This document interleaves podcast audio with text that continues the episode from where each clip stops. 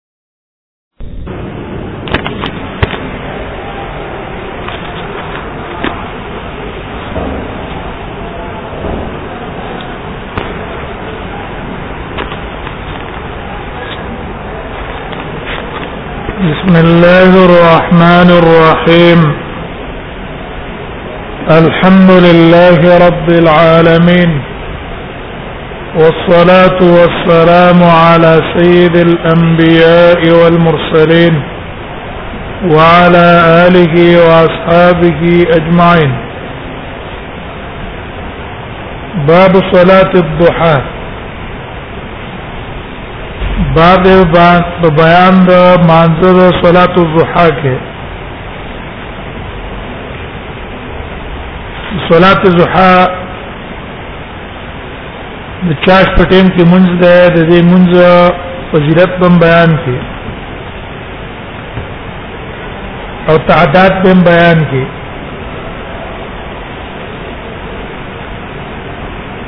صلات الضحى د څوخ نه شروع کیږي سیدا چې بعد طلوع الشمس شروع کی تر زوال پورې تر دې چې ډېر علما او قول لاره چې صلات اشراق او صلات ضحا یو شی ده باول کې د منځو کو نو صلات ضحا او اشراق دوانو ته وي او کله ګرست دیو کو صلات ضحا او ته وي دویم قول د علما دا ده د نور را خطو سره چې کوم وکړای شو د په صلات اشراق وای او کله چې لږ وخت تیر شي د نه لږ بجو ټیم کې مونږ دې ته صلات ضحا وای صلات ضحا به فضائلم احادیث کې راځي چې انسان ګناهونه په الله راځي اقل صلات الضحى دو رکعات دي اکثر دولس رکعات دي ځکه روایت کې دولس رکعات راغلي لیکن صلات الضحى کې لږ اختلاف دی علماء یحیی ابن عمر روایت کې د بزر ناغد نبی صلی الله علیه وسلم روایت کړي قال نبی صلی الله علیه وسلم فرما یصبح علی کل سلامه من ابن آدم صدقه وې سبا کوي په هر روغ اندام د ابن آدم باندې صدقه انسان چې سبا کی نو په دبا هر هر اندام باندې د باندې صدقه لازم ده بندونه تقریبا د پاسه درې سو بندونه وي وي د دې صدقات پر کول په کار دي چې الله ما لروغ راکړو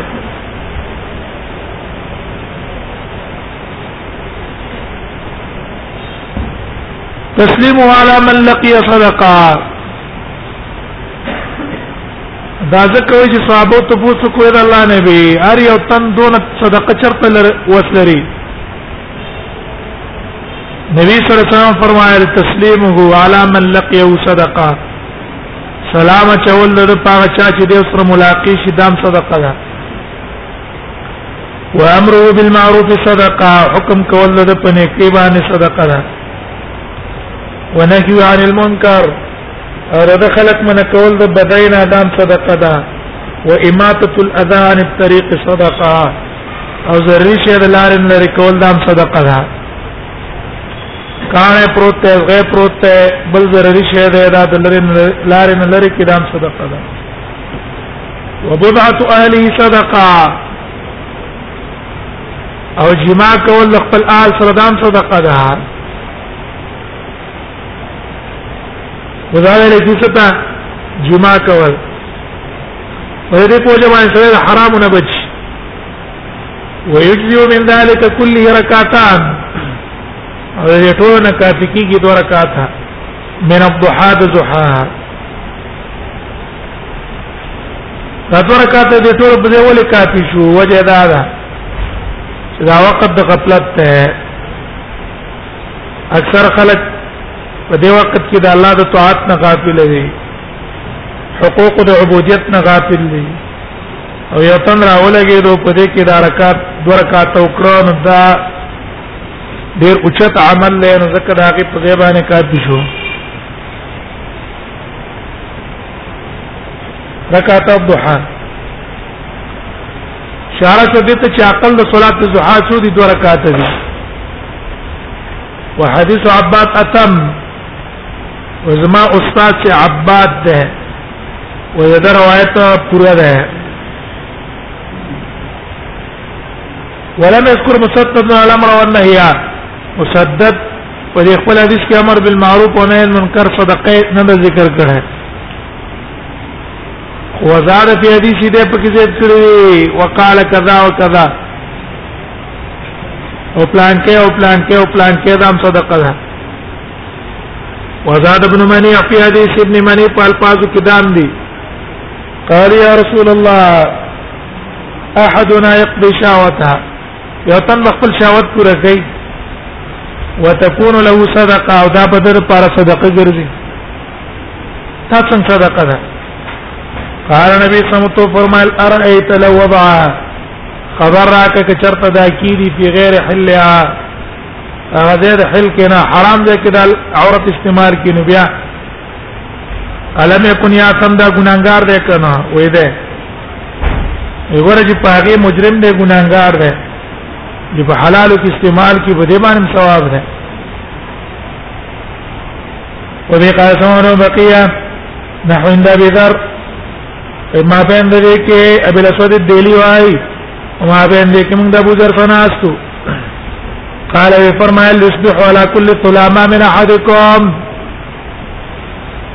ګرځي على كل طلما من احدكم په هر اندامونو د یو تن تاسو باندې سبا کوي صدقه صدقه هغه باندې صدقه فله بكل صلاه صدقه د پار په هر مانځ باندې صدقه ملاويږي مونږ کوم صدقه ده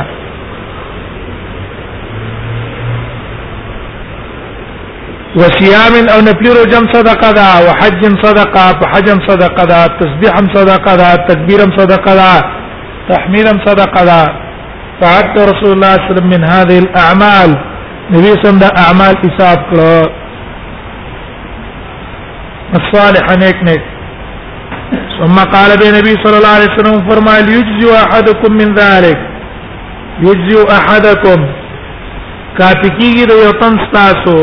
من ذالک د ټولو نه رکعات ضحا د رکعات د چاش یوسته معلوم چې اقل صلات ضحا د رکعات دي سالم بن معاذ ابن انس الجهني روایت کې د خپل پلار نه معاذ ابن انس نه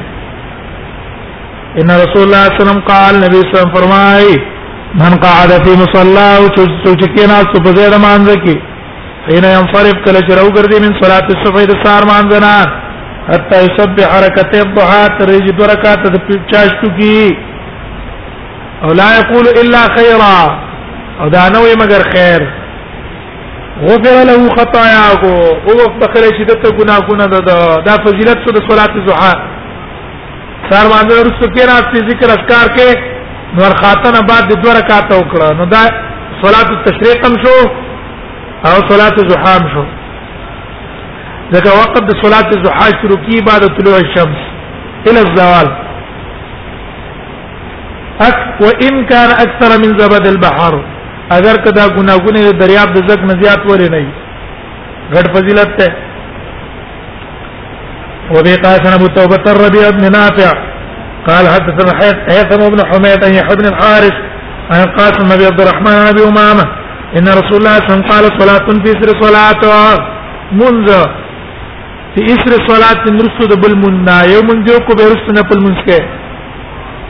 لا لغو بينهما او دا غي په منس کې تا لغوا او نقل نه قول نه فعل نه عمل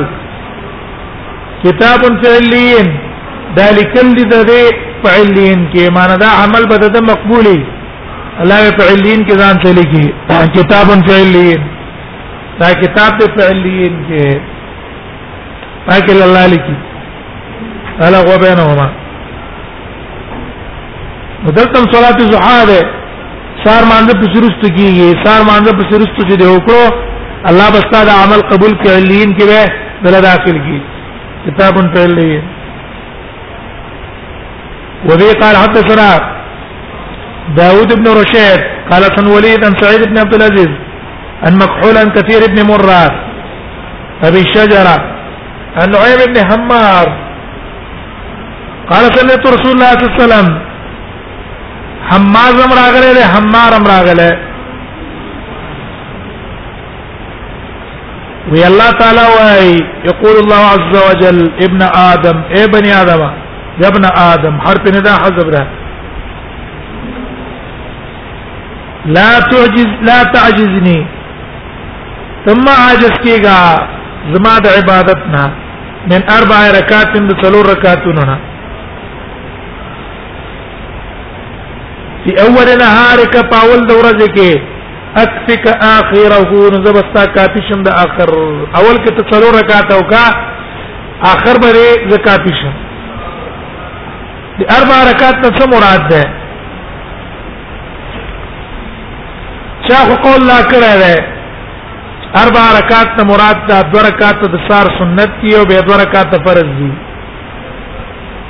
دا اول نهار هم دقه د سار سنت دی وکړه او سنت نو رسته به دو رکعات فرض وکړه وای دا اوکا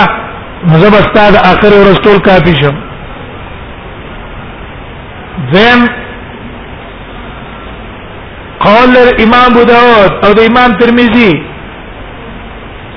امام ابو داود او امام ترمذی را دا دا چې دینه مراد صلات الضحى ده صلات الضحى ودات مراد ده دیو جنا صلات الضحى کې د حدیث راوړل هغه په فضیلت کې او ظاهر هم دا معلومیږي چې دینه مراد صلات الضحى ده نو معلوم شو چې یاره اقل صلات الضحى دو رکعات څلور رکعات هم سړي هغه صلات الضحى دي اتی متوسط دي دولتي اکثر دي ان مخرمه بن سليمان قريب مولى ابن عباس ام مهاني بنت ابي طالب ان رسول الله صلى الله عليه وسلم صلى صبح الضحى وی نبی صلی الله علیه وسلم منځ کړلو پر د فتح نه مکه صبح الضحى غنوافل الضحى هغه وکړه سمانه رکعات نه تر رکعات وکړه مسلم من کل رکعتين هر دو رکعات نبی رسول سلام ګرځاو قال احمد بن صالح احمد بن صالح وان رسول الله صلى الله عليه وسلم صلى يوم الفتح صبح الضحى فذكر مثله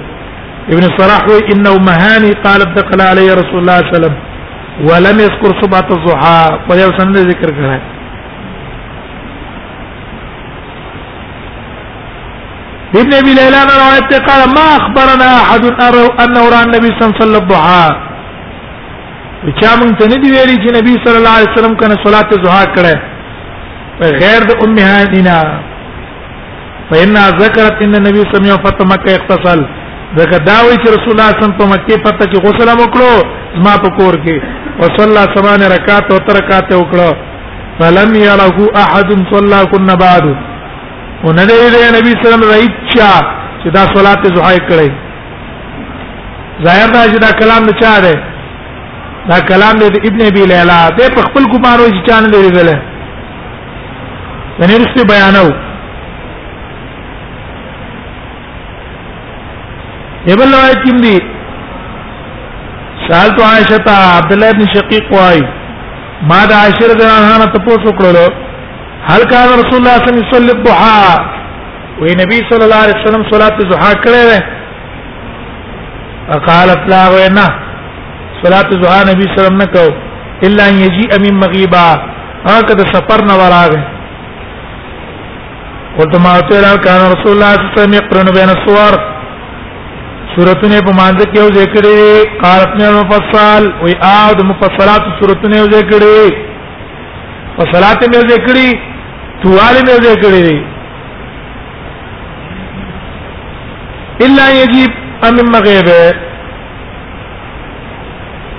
په دې باندې بعض علما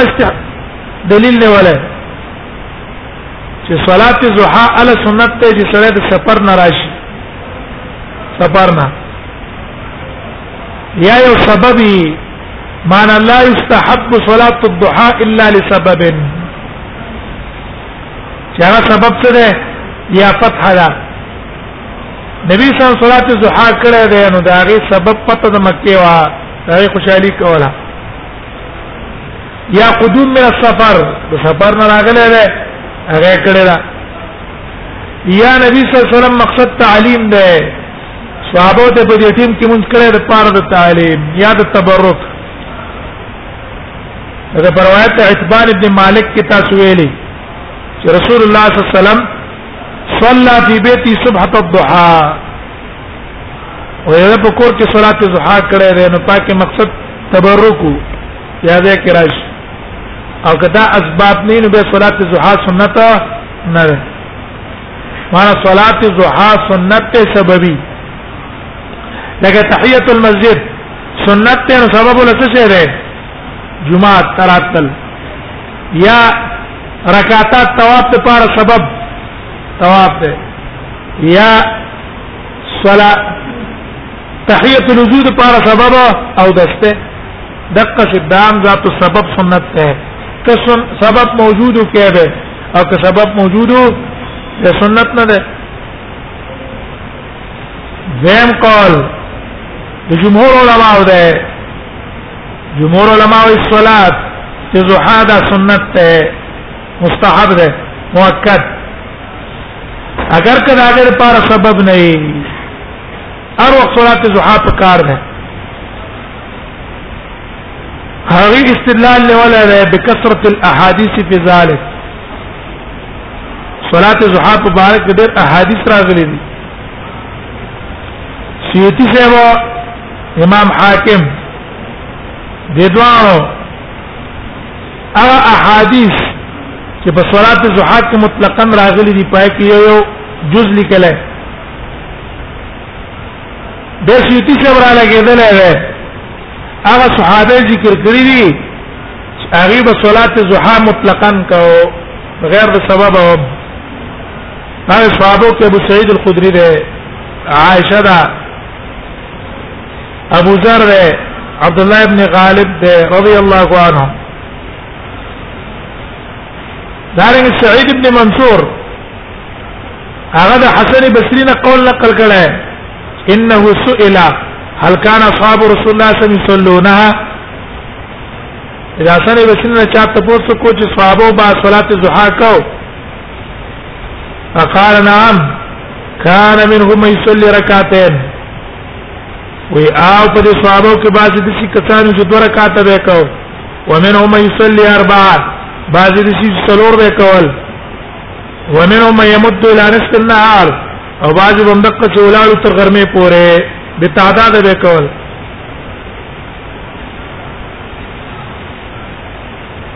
ارچ د عائشه رضی الله عنها دا روایت ته الا من مغیبه الا یجی من مغیبه رینه جواب کړی دی چې رسول الله صلی الله علیه وسلم به اکثر د صلات الضحى په ټیم کې د عائشه په خوا کې نو الا نادرا هغه وجنا رسول الله صلی الله علیه وسلم با چې حاضرو یا به سفرو کاذر به په جمعات کې وو یا په بل ځای کې وو نو کله کله عاشق عاشق ورغله په دغه ټیم نو لیدل نه زکه الا یجی من مغیبه او یا مراد څه نه ده نفي د مداومت ته دانه چې رسول الله صلی الله علیه وسلم صلوات زوحان نه کړه او یو جدا ده چې عائشه رضی الله عنها نه امام مالک قول نقل کړه چې عائشه رضی الله عنها چې وکانه تصلي الضحى وی هغه به صلات الضحى ترکات کول ترکات او ویل به لو نشر لي ابويا ما ترکتهما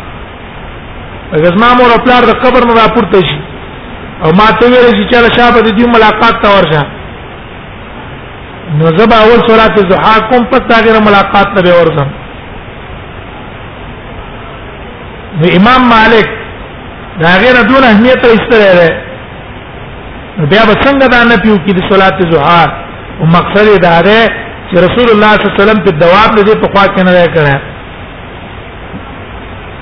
ها بعض علماء دا قول کړه چې کله بهتره طریقه په صلات ضحا کې دا د جسړې کله کوي کړي پری دی کله کا کله پری دا دلیل په حدیث د ابي سعيد الخدري باندې نه ولا چې امام ترمذي راوړل وی نبی صلی الله علیه وسلم مکان یصلی الضحى احیانا وکله به صلات الضحى کو کله کله وکاو يصلي الضحى احيانا ويدعها احيانا لیکن په دې علما استدلال په دې حدیث باندې ټیک نه ده یعنی کله کوا کله پرېدا وجدالا چې رسول الله صلی الله علیه وسلم بکره یو عمل خو خو چې دوام پیو کی لیکن رسول الله صلی الله علیه وسلم پر قسطلو مخافت ان یفترض علی امته د دې یره د وجه جسمه په امت باندې څه نشي فرض نشي د دې وجه پر قسطلو او خپل نبی صلی الله علیه وسلم ترغیب په مواظبت پاګې باندې ورکړه دوام پې کوي دیو جن دا حدیث دلیل لري نه ګرځي چې کله کاو کله پرې دا نار واخی کول پکار دي سلورم قول د بعض علماء ده هغه را صلات الضحى بدعت ده دغه دا قول د قاسم نه نقل ده دلیل یو دا ده د انس رضی الله عنه نه تاسو کړی شو سئل عن الضحى دا صلات الضحى څنګه ده وی انس رضی الله عنه ویل الصلوات خمسن منځونه خو پنځه دي دوه په کې کوم جن راغی دارنګه دا ابي بکر نه روایت ده انه را ابن عبيد وده ابن عبيد قولي دلو انه را اناس يصلون الضحى وده سکسان قولي دل چې ماسپخیم د ضحى مونږه کاو فقال ما صلى رسول الله صلى الله عليه وسلم ولا عامه اصحابه نبی صلی الله علیه وسلم صلات زوحا نه کړې نه عام صحابه دا کار کړی دا رنګ شعبی د قیس ابن عبید نه روایت نقل کړی چې كنت اختلف الى ابن مسعود وذو عبد الله بن مسعود ته ورتلما فما رايته مصليا الضحى ما دا نه لیدل چې صلات زوحا مونږ کړی لیکن د دې دا قولم کمزور دی وجه دا ده چې احادیث دا په اثبات کې راغلي دي او دونه درجه تر رسیدلې دي چې هغه خپل دلالت کوي په تاکد دا غي چې دا مؤکد سنت دی هر حدیث دا قال علي قلت لابن عمر اتصلي الضحى بخاري کی روایت ہے نبی مورقنا قلت لابن عمر اتصلي الضحى ما ابن عمر طيبت صلاة الضحى قال لا قلت لعمر وعمر تمي قال عمر قال قلت فعمر عمر بكول قال لا قلت فابو بكر قال لا مذکر کړی دی وینا قلت فالنبي صلی الله عليه وسلم قال لا يخالو ازما ګمان نه چې رسول الله صلی الله علیه وسلم د صلات الضحى کړی امام بخاری رحمه الله هغه محمول کړی په حالت سفر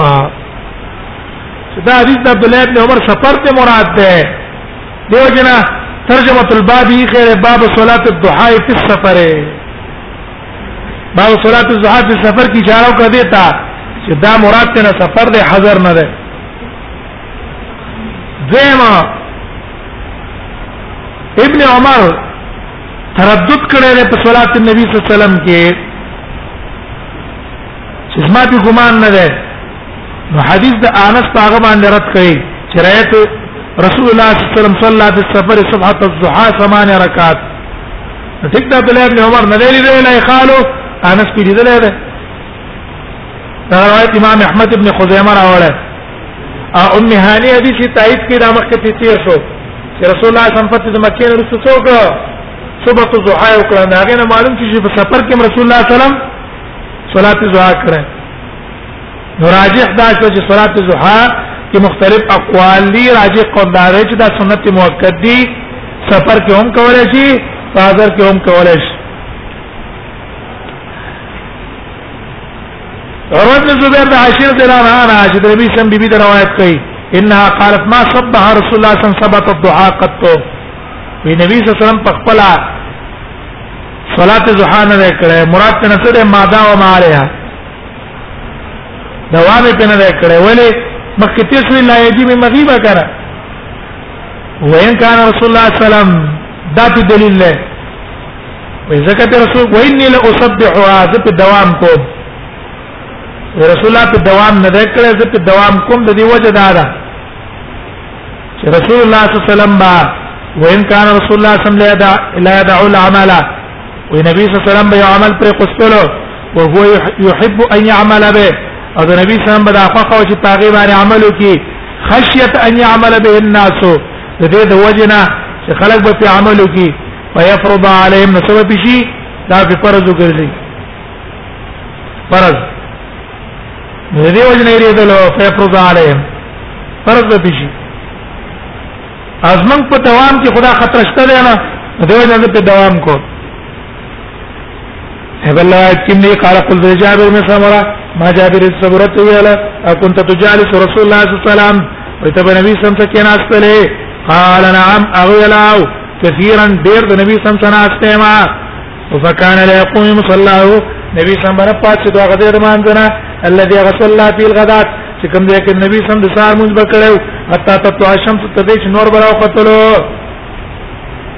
فاذا طلعت کله به نور راوختلو قام صلی الله علیه وسلم نبی صلی الله علیه وسلم په پاتې دو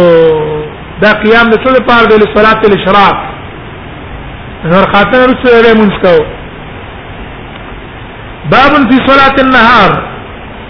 باب بیان مانزه د ورځې کې صلات النهار د ورځې سره نوافل کوي یو خو فرض دي مثلا ما سپخین ما ذکر څلور رکعات دي په یو صلات دا غیر په غیر چې ته نوافل کوي آیا نوافل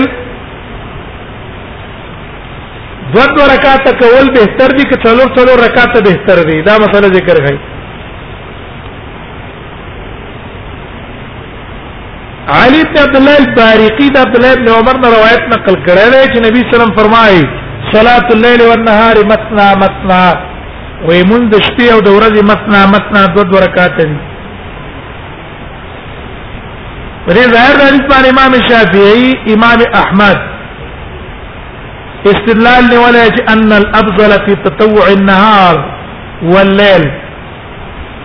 د شپې په نوافلو کې او د ورځې په نوافلو کې بهتره طریقه دا ده السلام فی کل رکعتین هر دو رکعات باندې سلام وګرځي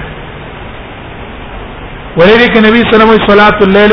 والنهار مثنا مثنا د ورځې او د شپې مونږ دوه رکعات ده زم استدلال نه ولې پاریس دا به هره را صلات الليل والنهار مثنا مثنا ابراهيم الحربي هغه دا روایت نقل کړه دریم استدلال یې له حدیث د عائشه ان رسول الله صلی الله علیه وسلم قال صلاه الليل والنهار مثنى مثنى دا ابو نعیم نقل کړه په تاریخ اصفهان کې او یذكر ذلك عن عمار عمار نم دا نقل لري دا ابو ذر نم نقل لري انس نا جابر بن زيد نا اکرمنا زهرنا يحيى بن سعيد الانصاري واي ما ادركت فقهاء ارضنا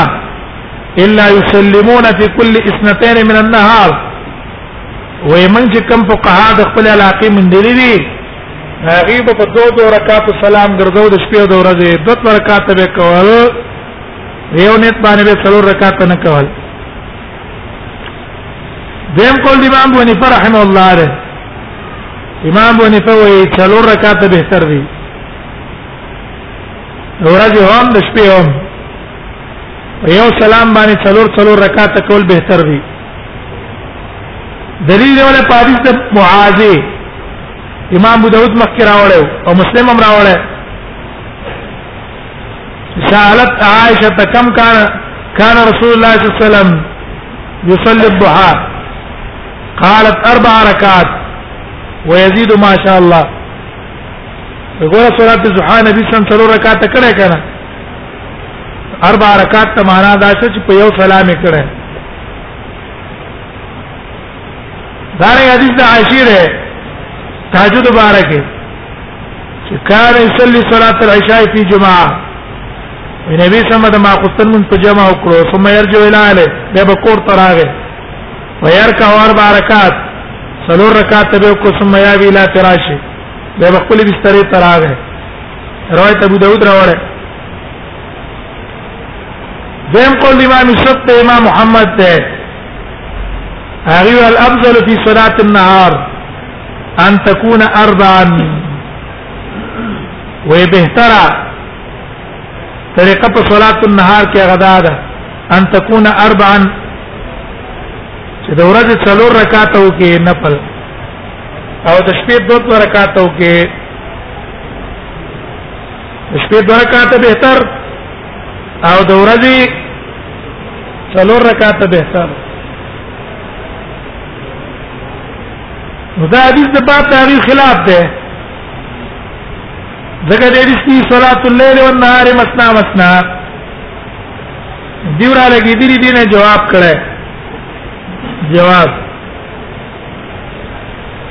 و امام نسائی وايي چې دا لفظ د نهار په دې کې خطا ده دا لفظ د نهار په دې کې خطا ده دارنګ امام حاکم هغه په علوم الحديث کې ویلي او امام دار قطنی په علل کې ویلي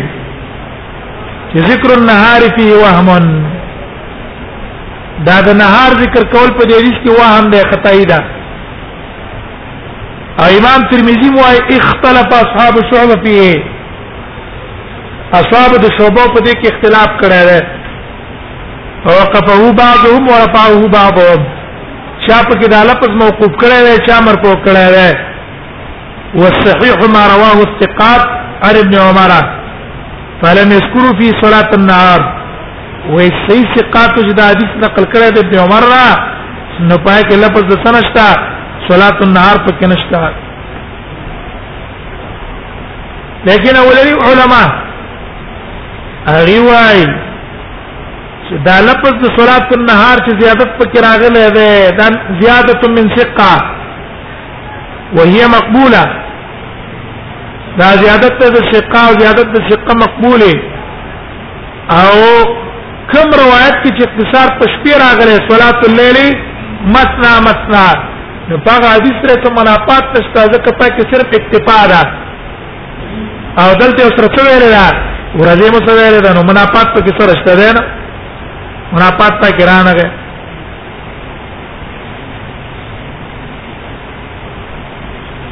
بهترم دا شو اولنې قول راجح شو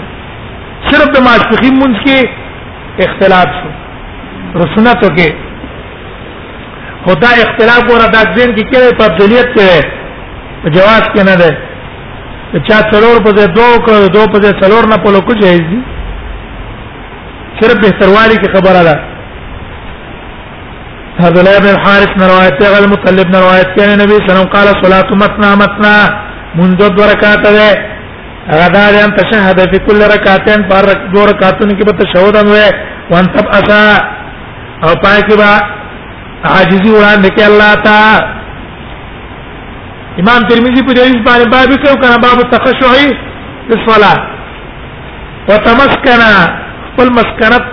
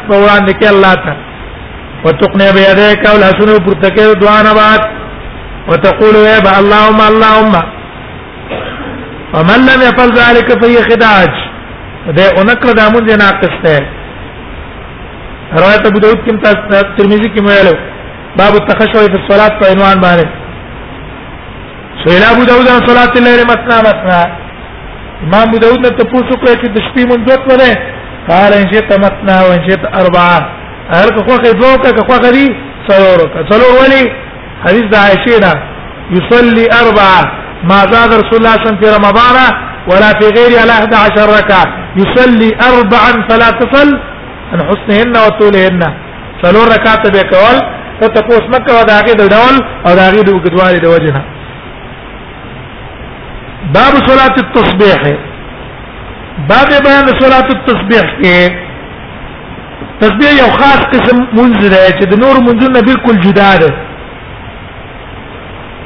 عام من کیفیت او طریقه سره هغه جدا ده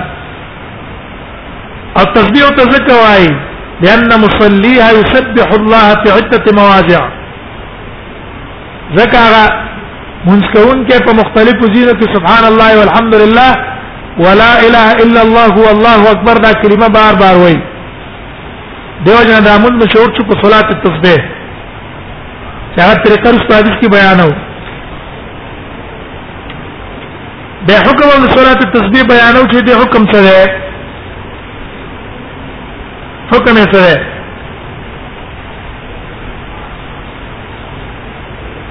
نو اوس صلات التسبیح حکم بیانای صلات التسبیح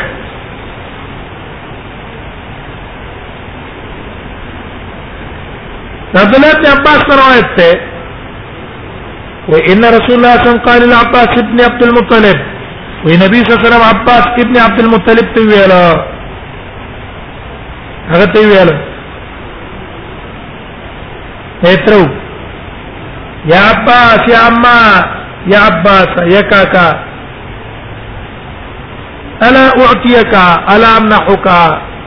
دا الفاظ مترادفه دي معنی یو ده د پاره ترغیب زتا تنه درکو الا امنحك زتا ته شی په هدیه تحفه کې نه درکو الا احبوك زتا ته شی نه درکو الا فعل بك عشر خصال زتا ته نقوم پتا باندې لس کارونه ورته ټول الفاظ معنی یو ده او نبی صلی الله علیه وسلم تکرار کو د الفاظو متقاربه المعنى للتاكيد والتشويق د پار د تاکید او د شوق وزیاده د ترغیب په صلات التسبیح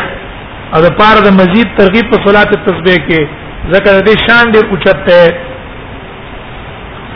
او تقدیم الاستفهام په تعلیم باندې استفهام مقدم کړو ولې لزیاده الاهتمام د پاره د زیادت اهتمام او اعتنا دني تعلیم مطلوب دی او دا په استفهام باندې موقوف نه دی دا غره وته پوس نه کې د دروي خیمه کوي نه خیمه کاغه غواړي او کنه غواړي ته به څه کې ته به تور خې ودا دنه درکه لس کارونه دي اذا انت فعلت ذلك چې کړه دا وکړه غفر الله لك ذنبك او بخي الله تعالی ګناه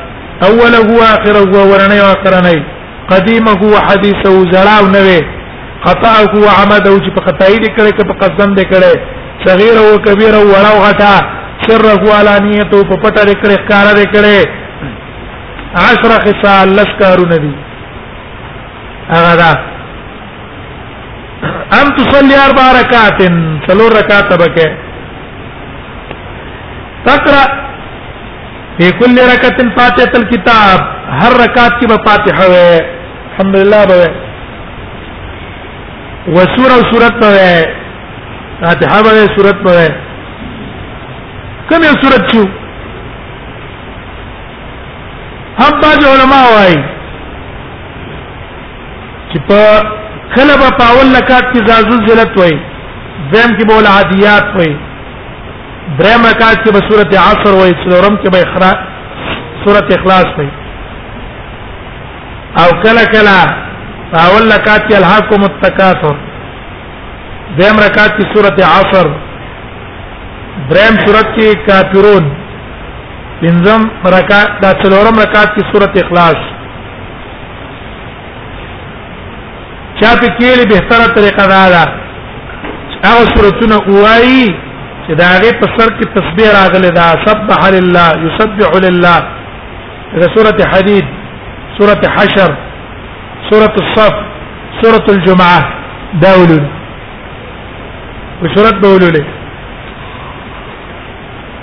دا طریقه او تور خی فإذا فرغت کله چې ته فارغ شې مل قرات د قرات نه په اول رکعتین په اول رکعت کې وانت قائم ته ولاړې قلت نو وی سبحان الله والحمد لله ولا اله الا الله والله اکبر 15 مره سبحان الله الحمد لله ټول ارتنا فارغ شو د رکوع نه مخکې 15 لس کرتی وایا ذا فرقت من القرات روایت ترمذی کې به تراشی نبی رافع روایت ته فاذا قضت القراءه فقل الله اکبر وقرات ختم کو الله اکبر په پنځل کرته قبل ان ترکا او یدوار حدیث باندې جمهور علما قول کړه چې دواره به قرات نرسته د رکوع نه مخکې وي هغه عبد الله بن مبارک طریقه هغه دا چې هغه د قرات ته مخکم تکبیر د تکبیرات ویل قرات ته مخکې او د قرات نه رسته به ویل مثلا سبحانك اللهم به ویل د قرات نه مخکې سبحانك اللهم نه رستو پنځل لس کرته او بیا چې قرات د اخلاص کو د رکونا بتلو نو د رکونا مخکې به لس کرته ویاله لس کرته لکه امام ترمذی دا طریقه د عبد الله مبارک نه نقل کړي عبد الله مبارک نه دا طریقه نقل کړي دیو جنا منذری سے وای جمهور الروات على صفه المذكورات حديث ابن عباس وابي رافع و اکثر کسانو چې طریقه نقل کړي دا نو دا دا روایت د ابن عباس چې کوم روایت ده او یاد ابو رافع روایت ته په ترمذی کې پاره عمل له والعمل بها اولا او په دې باندې اول اولا ده دا عبد الله مبارک طریقه مرفوع رسول الله صلی الله علیه وسلم ثابته نه ده نو حاصل دا طریقه دا شوه صلات التسبیح سلو رکعات نه بوتړي الله اکبر سبحانك اللهم وبحمدك اعوذ بالله الحمد لله قل هو الله احد الله الصمد لم يلد ولم يولد ولم يكن له كفوا احد دلته ورسېږي سبحان الله والحمد لله ولا اله الا الله والله اکبر پنځه لس کړ دي دا وایا چې پنځل لس کرتی دی ویلا رکو تلاش رکو کې به خپل تسبیحات وې تسبیحات نو بیرست سبحان الله والحمد لله لس کرته رکو نه چلا پورته شوې بیا لس کرته رکو نه سجدی ته چلاړي په سجدو کې بیا لس کرته د سجدو په منځ کې لس کرته دویم سجدی نه چلا پاتې درې په دویم سجده کې لس کرته سجدی نه چلا پورته شي بیا لس کرته بیا چې رکعت تر پات شي بیا بیا کرت به شروع کې رکوع نه مخکې به وې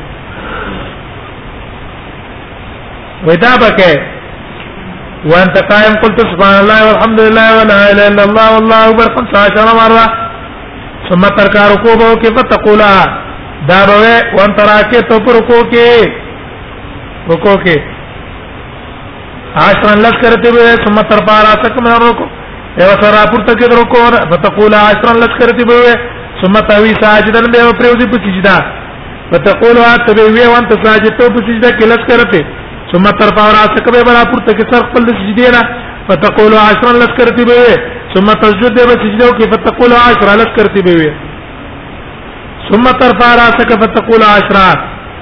به چې د دویمې سجدې نه سر راپورته کو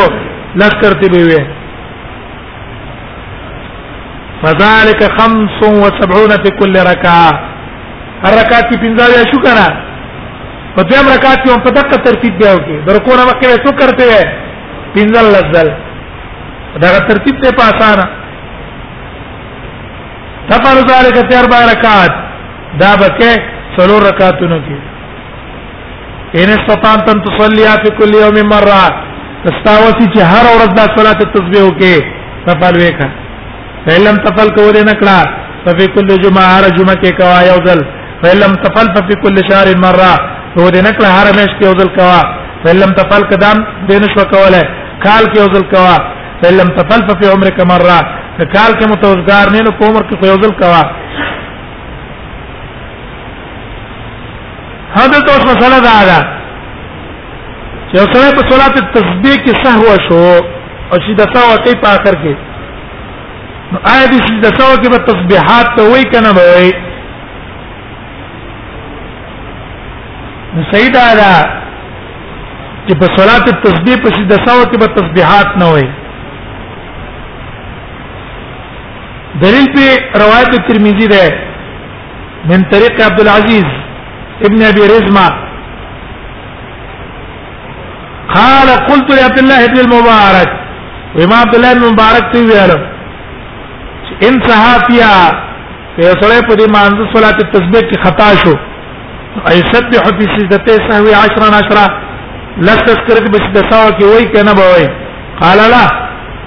وینا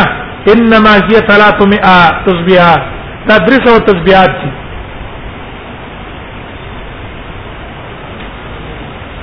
دا خو طریقه شو اوس د صلات التسبيح حکم څه دی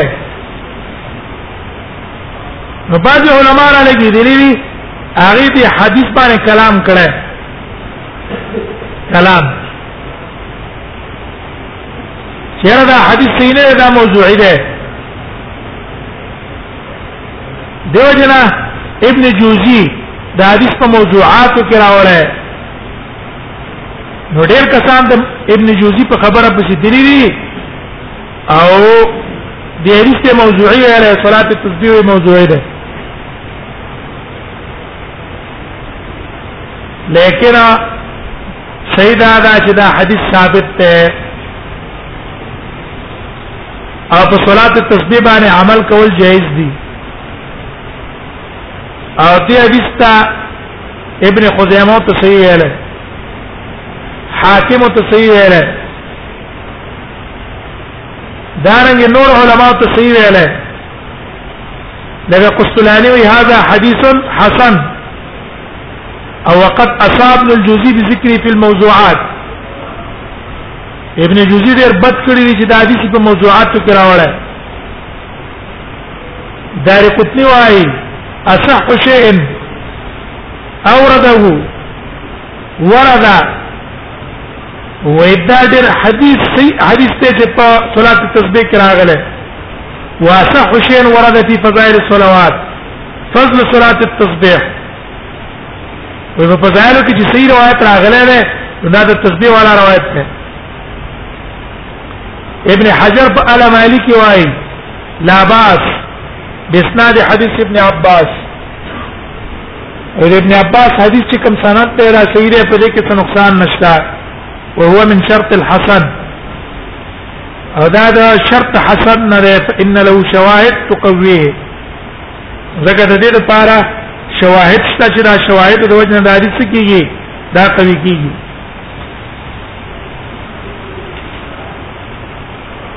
وممن صح هذا الحديث وحسنه ابن مندى ابن مندى متحسن ویل ابن صلاح متویل نووي سے متویل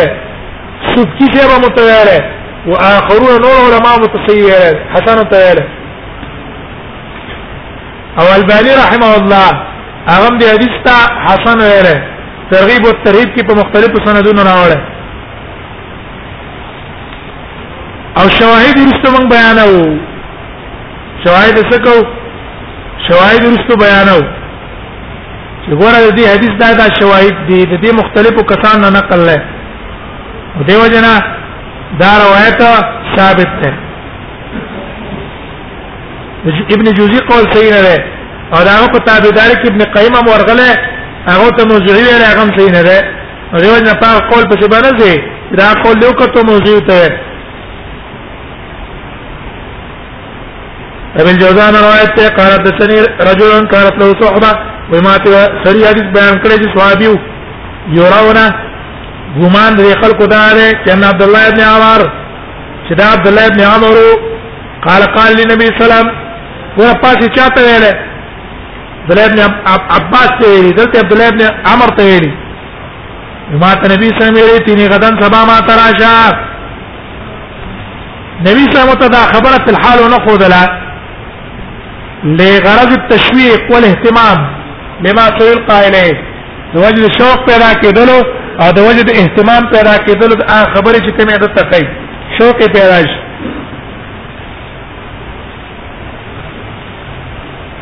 وې سبا راشه ایتنی غدن سبا ما تراشه ستا ته یو خبره درخیم احبوک زب تعالی څه شي درکم موتیبک څه بدل درکم اعطیک بدل دربکم حتا ظننت انه یوتینی و زما دا ګمان راغی چې ما ته نبی سم څه شي راکې د دنیا قال او اذا دار النهار نبی سم راته ویل چې کله ورځ ظاهر شو زادال النهار دې معلوم شو چې صلات التسبیح د زوال نه رسته بهتره ده کني وقت ولا نشتا اوقات مکروه کې به نه کې نور کده شپې او توزګار شو کده ورځې او توزګار شو خدا غ بهتر ټیر او تقودل وصلي اربع رکعات څلو رکعات وکا فذكر نحو قال من بيراته ثم ترفع راسك بسر را پورته کی یار من سجدت السجود الثاني دویم سجدینا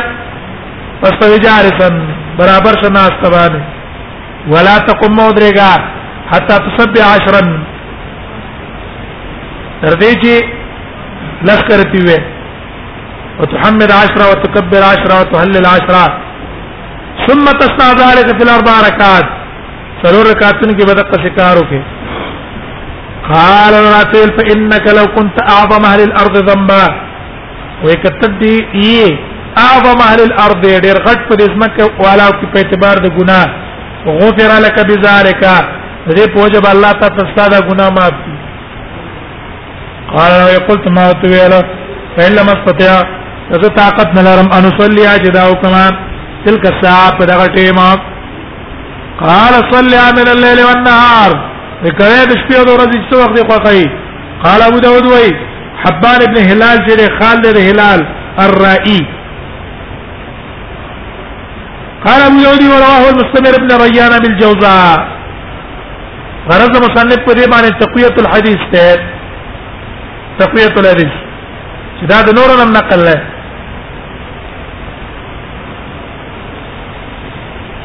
وی ابو الجوزاء عن عبد الله بن عمر موقوفا موقوفا هم دا غره نقل کړه ورواه روح بن المسيب جعفر بن سليمان عمرو بن مالك النكري بن الجوزان بن عباس دا غره موقوف نقل کړي چې هغه خلکو ته دشي ویلي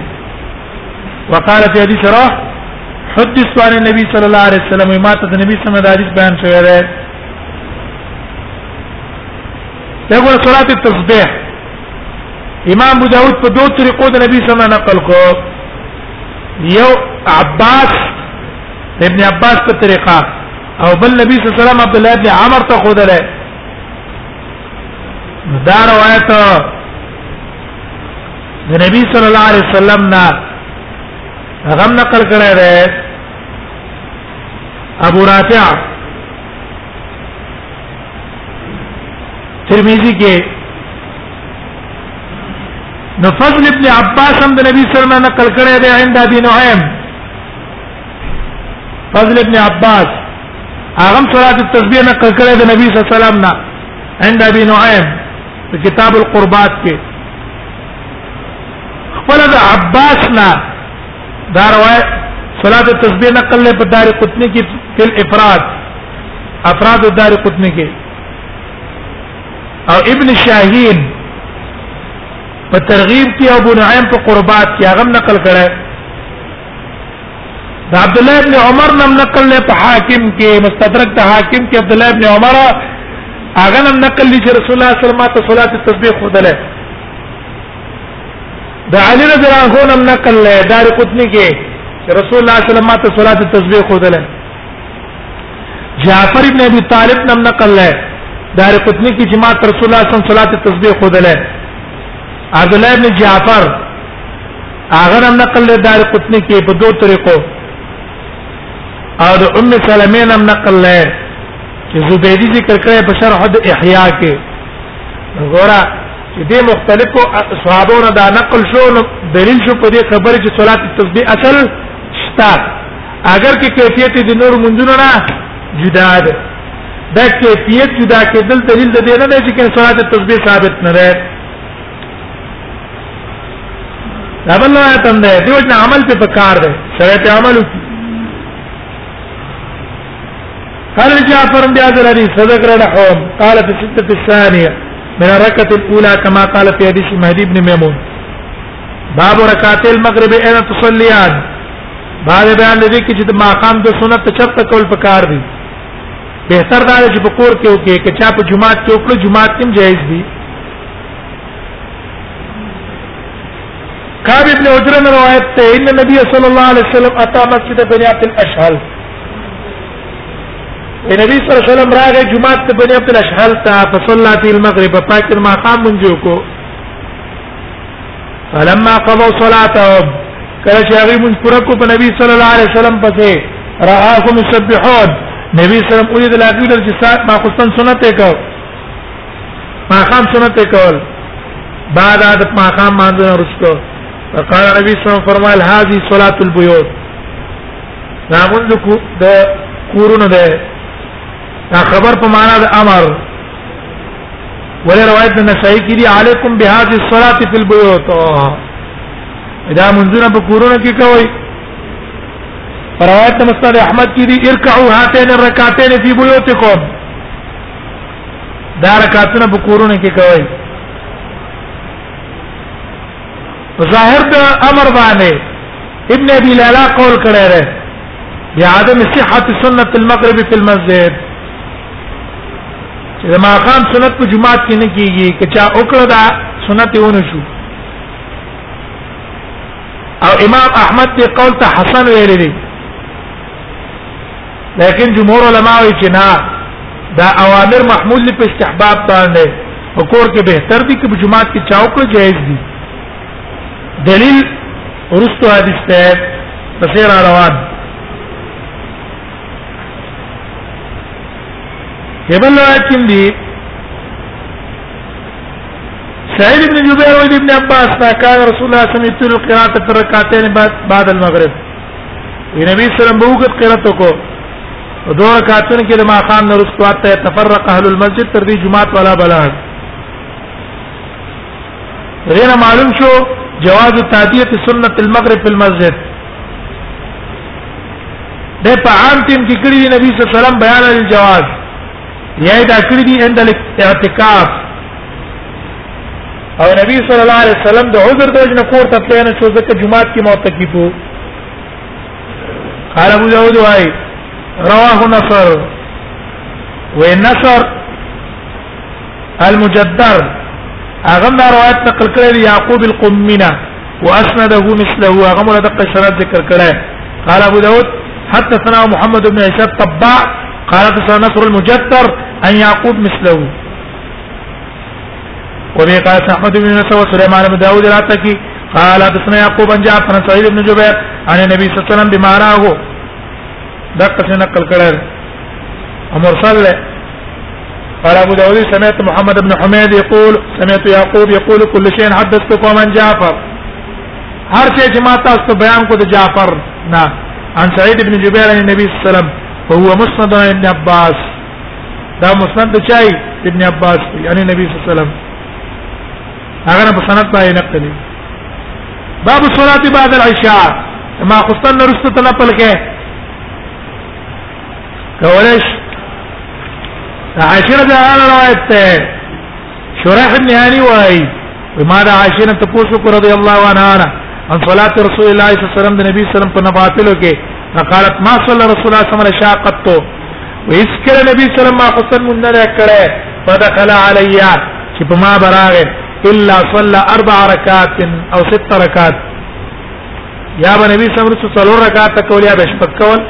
او د پاره تنویع ده کله شپږ کړي کله څلور کړي ورکا د سنت مؤکد نور بنا وافلو ولقد مترنا مره بالليل یو ځل په باندې شپې باران مو شو لا نزلون شو به نبی سم سنت پر نه کوستا فطرحنا له نطعه من نبی سلام د پاره واچو نطعا اغه دستار خان د سرمنه یعنی څه شی وبنه راوځي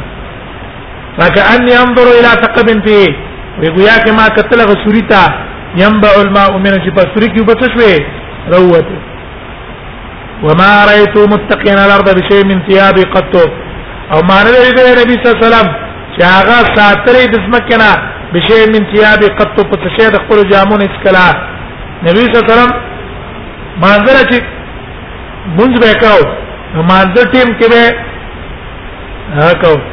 جمعه ته ځان نه ساتلو څلو رکعات رسول الله صلی الله علیه وسلم کړي راتبه العشاء ته وي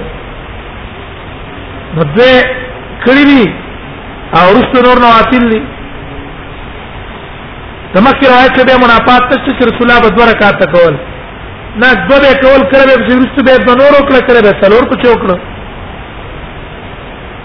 باب نسخ قیام الليل باب باندې نسخ د قیام الليل کې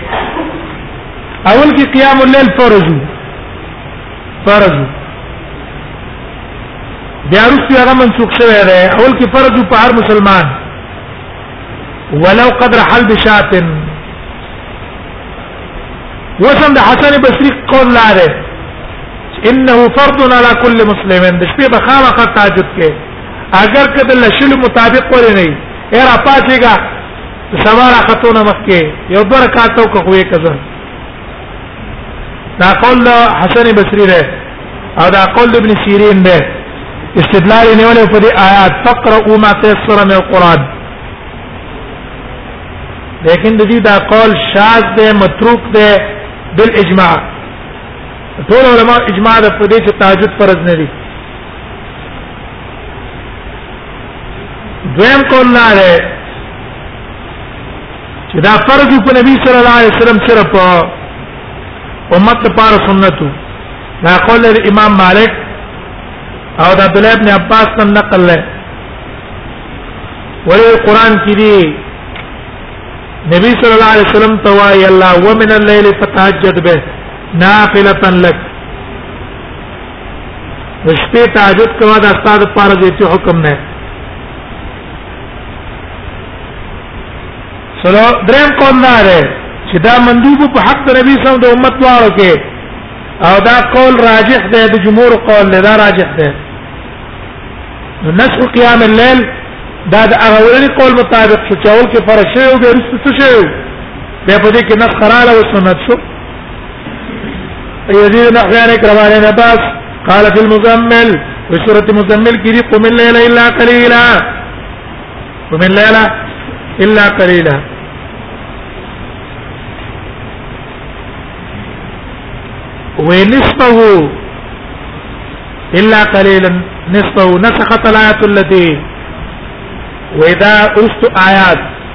چې په سیر هغه هغه باندې منسوخ شو عالم لم تحسوه فتاب علیکم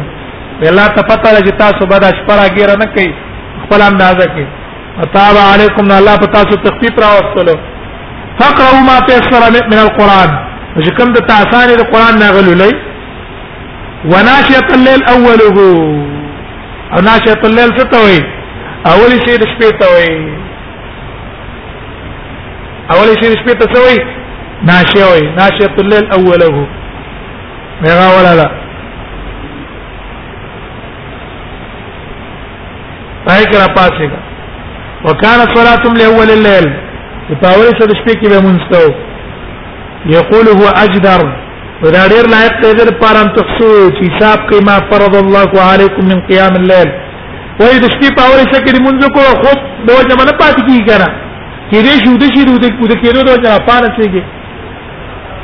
وذالک ان الانسان اذا نام وجه ذالک انسان کله ود شي لم يدري متى يستيقظ ته پته نه ذکر را پاتې کما وقول ودا قول اقوام نه اقوام قيل وهي وانا دا اجدر ان يبقى في القران غير لا يقضي شيء في القران کوي شي او دا قول چې ان لك في النهار سبحا طويلا یقول دا معنی کې فراغا طويلا ستار پر ډیر فراغت ته پدې کې عبد الله ابن عباس نه لما نزل اول مزمل سورۃ مزمل اول چراغه كان يقومون نحو من قيام في شهر رمضان دون وقت به درېدل ک رمضان کې بچو درېدل حتا نظر اخره ترې چې اخر راغه وکانه بین اول یا اخر یا سنا اول او رستنی آیاتونو کې فقرو ما ته سره وې دې کې تقریبا یو کال فاصله تیر شورستو بیا راغله ده